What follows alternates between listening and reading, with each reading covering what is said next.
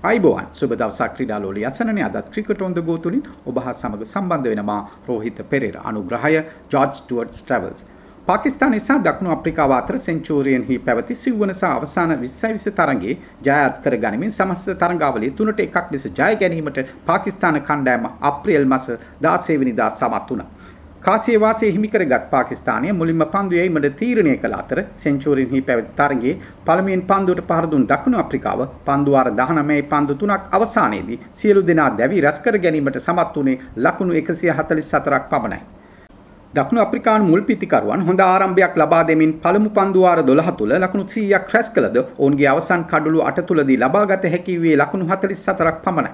පන්දු පහක් ඇතුළත ක්ලාසෙන් සහ වැන්ඩඩුසෙන් දැවී ගියේ ලකුණු 13ක් සහ පන්දු 19ක් තුලයි. ඔවුන් 20යි 20 තරඟ ඉතිහාසයේ මුලින් ලකුණු රැස් කිරීමේදී මැද පෙළ පිතිකරුවන්ගේ අසාර්ථක පිතිකරණය තුල මෙවැනි අඩු ලකුණු සංඛ්‍යාවකට දැවී ගොස් ඇත්තේ තුන් වතාවක් පමණයි. ඔවුන් අඛණ්ඩව පරාජය වූ පස්වෙනි 20යි 20 තරඟයේ මෙයයි. රාසි වැන්ඩ ඩුසෙන් පන්දු 36කින් ලකුණු 52ක් සහ ජනීමින් මලාන් ලකුණු 33ක් ලබා ගත්තා. එඩ් මක්‍රම් ලකුණු 11කට දැවි ගිය අතර සෙසිදු කිසිදු පිතිකරුවෙකුට ලකුණු 10 සීමාව පසු කර යාමට අවස්ථාවක් හිමි වූයේ නැහැ.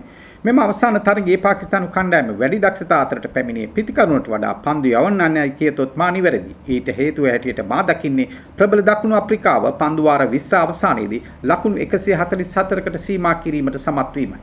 පන්දුයීමේදී ෂයින් සහ ආෆ්‍රිඩි මෙම තරඟාවලිය පුරාම දක්ෂතා අතර සිටීම වැදගත් වුණා. මෙම තරඟයේදී ලකුණු 19ක් පමණක් ලබා දෙමින් එක් කඩුලක් දවාලීමට සමත් වුණා. හසන් අලි සහ ෆයිම් අස්රාෆ් අනගි පන්දුයීමක නිරත වෙමින් කඩළු තුන බැගින් ලබාගෙන දකුණු අප්‍රිකානුවන්ගේ ඉනිම අඩාල කිරීමට පෙරමුණ ගත්තා. තවත් කැපී පෙනෙන සිද්ධියක් වුණේ පාකිස්තාන පන්දු රැකීම ඉතා ඉහළ මට්ටමක මෙම තරඟයේ පුරාම දක්නට ලැබුව අතර ඔවුන්ට ලැබුණු උඩ පන්දු අටම රැක ගැනීමට සමත් වීමයි. පිළිතුරීනිම ක්‍රීඩා කළ පාකිස්තානයේ ආරම්භක පිතිකරු මොහමඩ් රිස්වාන් ලකුණු නොලබාම පළමු පන්දු වාරයේ දෙවෙනි පන්දුවට දැවී ගියත් දෙවන කඩුල සඳහා ලකුණු 90ක සම්බන්ධතාවයක් පැවතුව අතර මැදපෙළ පිතිකරුවන්ගේ දුර්වල පිතිකරණය තුළ කඩුළු 6ක් දැවී ගියේ ලකුණු 37කටයි. මෙම තරගය තුළ කණ්ඩායම් දෙකේම මැදපෙළ පිතිකරුවන් ලකුණු ලබා ගැනීමට අපොහසත් වීම කැපී පෙනුණු සිද්ධියක් වුණා. ෆකර් සමාන් අගනා ඉනිමක් ක්‍රීඩා කරමින් පන්දු 34කින් ලකුණු 60ක් ලබාගත් අතර එයට 6 පාර 4ක් සහ 4 පාර 5ක් අයත් වුණා. බබර් අසම් ලකුණු 24ක් සහ මොහමඩ් හෆීස් ලකුණු 10ක් රැස් කළ අතර පාකිස්තානයේ ජයග්‍රහණය කරා ගෙන ගියේ මොහමඩ් නවාස් නොදැවී ලකුණු 25ක් රැස් කර ගනිමින් ඒ අවසානයේ පන්දු 18කින් ලකුණු 25ක් රැස් කිරීමට තිබියදී අවසාන පන්දු වාරයේ පස්වෙනි පන්දුවට 6 පහරක් එල්ල කරමින්. දකුණු අප්‍රිකාව ලබාගත් ලකුණු 144ට පිළිතුරු වශයෙන් පාකිස්තානයේ ජයග්‍රහණය සඳහා කඩලු 7ක් දැවී ලකුණු 149ක් ලබා ගත්තේ පන්දු වාර 19ක් සහ පන්දු 5ක් තුලදී පන්දු රැකීමේදී දකුණු අප්‍රිකානු පන්දු රකින්නන්ද මෙම තරගයේ ඉහළ දක්ෂතා පෙන්වීමට සමත් වුණු අතර ඔවුන්ට ලැබුණු උඩ පන්දු 6ම රැක ගැනීමට සමත් වීමත් විශේෂත්වයක්.